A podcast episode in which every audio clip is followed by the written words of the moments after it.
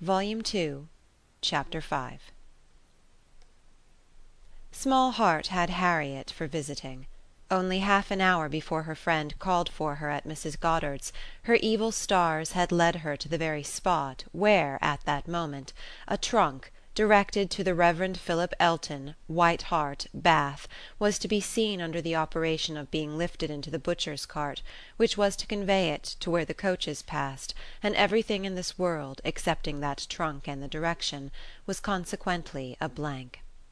She went, however and when they reached the farm, and she was to be put down at the end of the broad neat gravel walk which led between espalier apple trees to the front door, the sight of everything which had given her so much pleasure the autumn before was beginning to revive a little local agitation, and when they parted Emma observed her to be looking around with a sort of fearful curiosity which determined her not to allow the visit to exceed the proposed quarter of an hour she went on herself, to give that portion of time to an old servant who was married and settled in Donwell.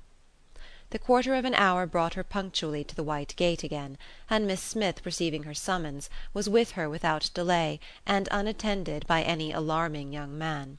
She came solitarily down the gravel walk, a Miss Martin just appearing at the door and parting with her seemingly with ceremonious civility. Harriet could not very soon give an intelligible account. She was feeling too much; but at last Emma collected from her enough to understand the sort of meeting, and the sort of pain it was creating. She had seen only Mrs. Martin and the two girls. They had received her doubtingly, if not coolly, and nothing beyond the merest commonplace had been talked almost all the time; till just at last, when Mrs. Martin's saying all of a sudden that she thought Miss Smith was grown had brought on a more interesting subject and a warmer manner. In that very room she had been measured, last September, with her two friends: there were the pencilled marks and memorandums on the wainscot by the window. He had done it.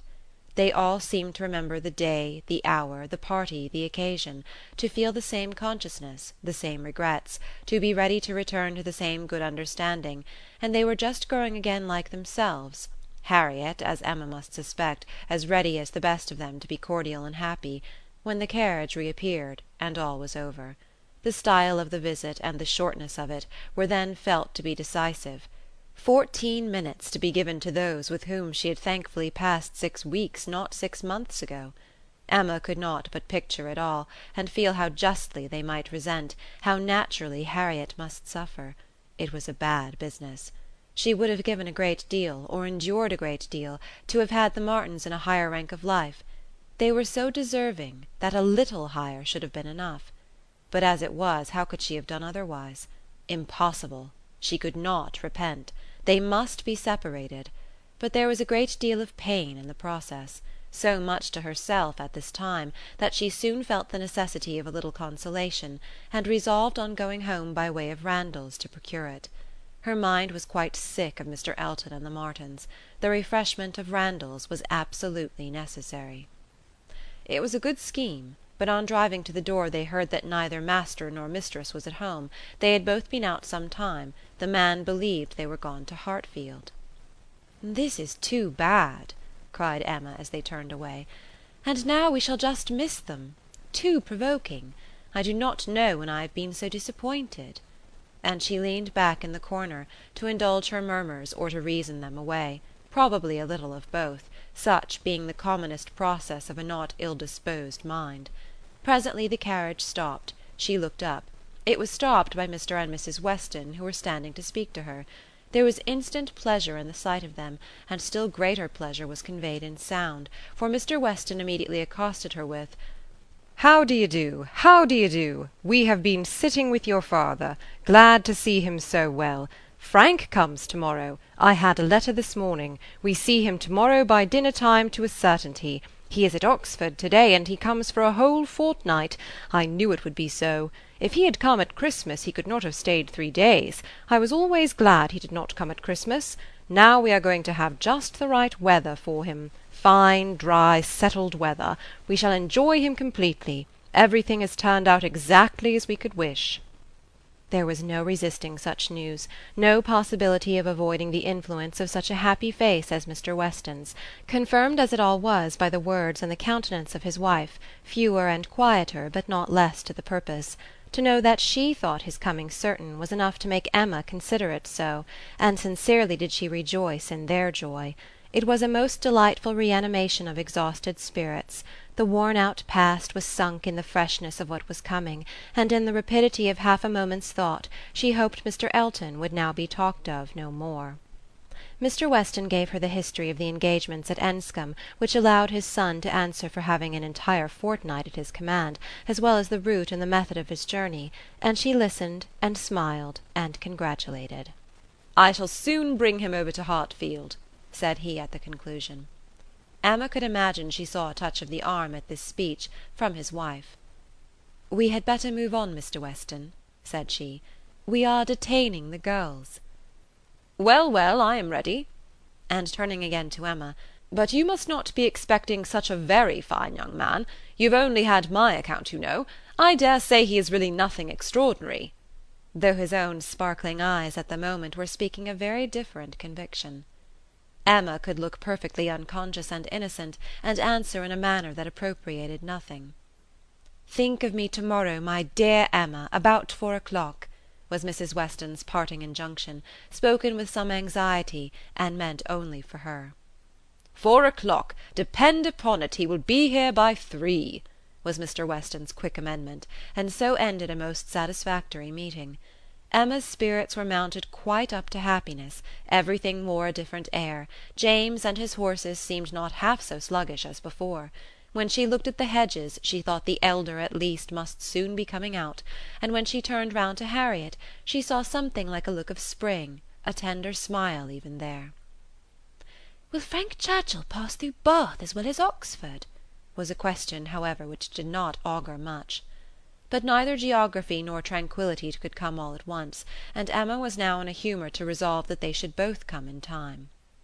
The morning of the interesting day arrived, and Mrs. Weston's faithful pupil did not forget either at ten or eleven or twelve o'clock that she was to think of her at four.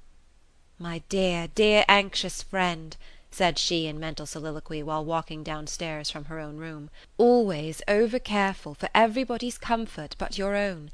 I see you now, in all your little fidgets, going again and again into his room, to be sure that all is right." The clock struck twelve as she passed through the hall. "'Tis twelve.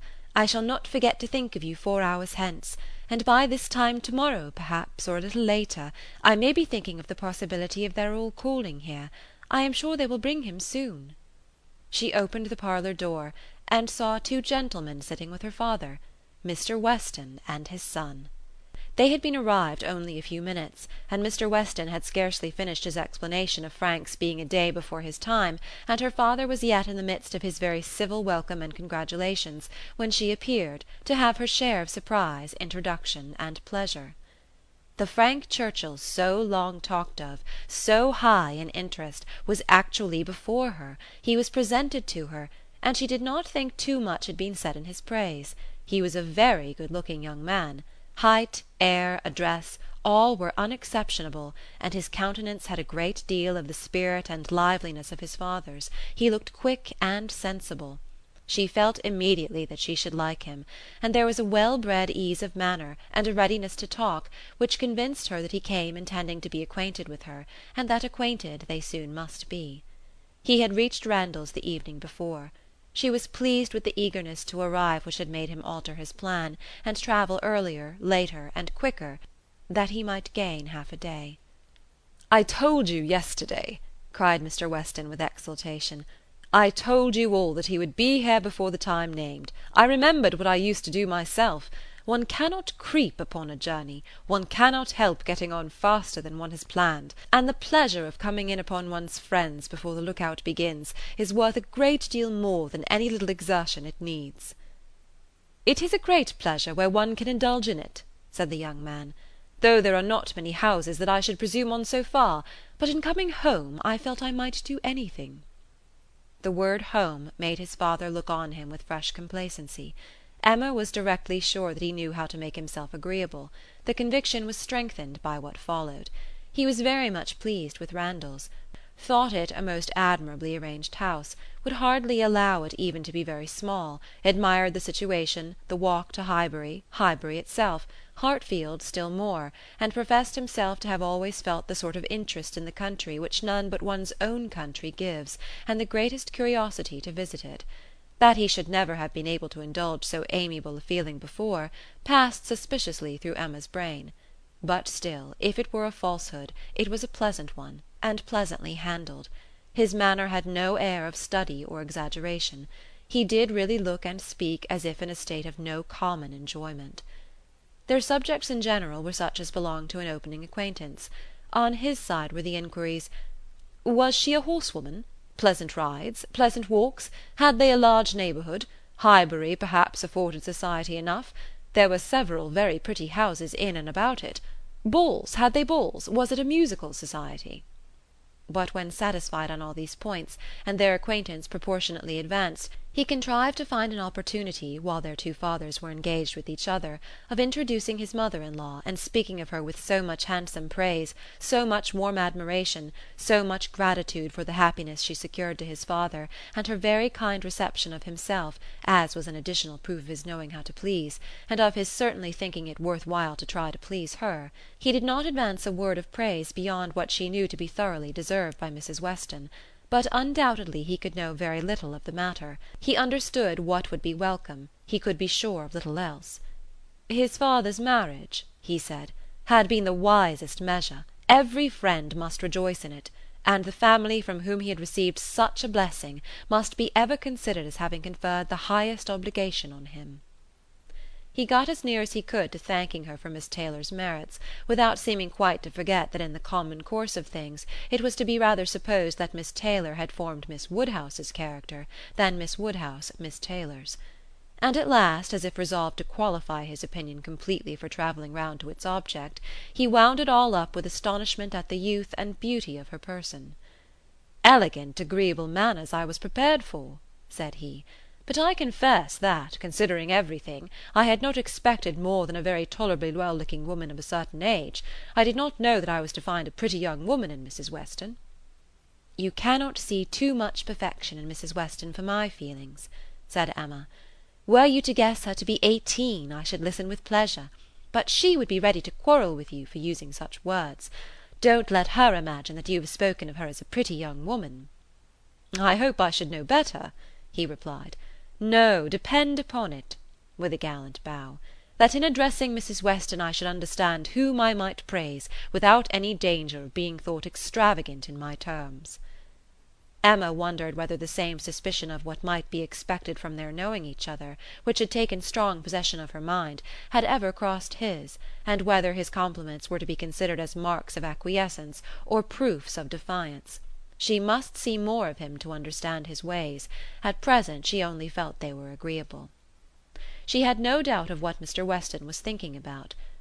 His quick eye she detected again and again glancing towards them with a happy expression, and even when he might have determined not to look she was confident that he was often listening.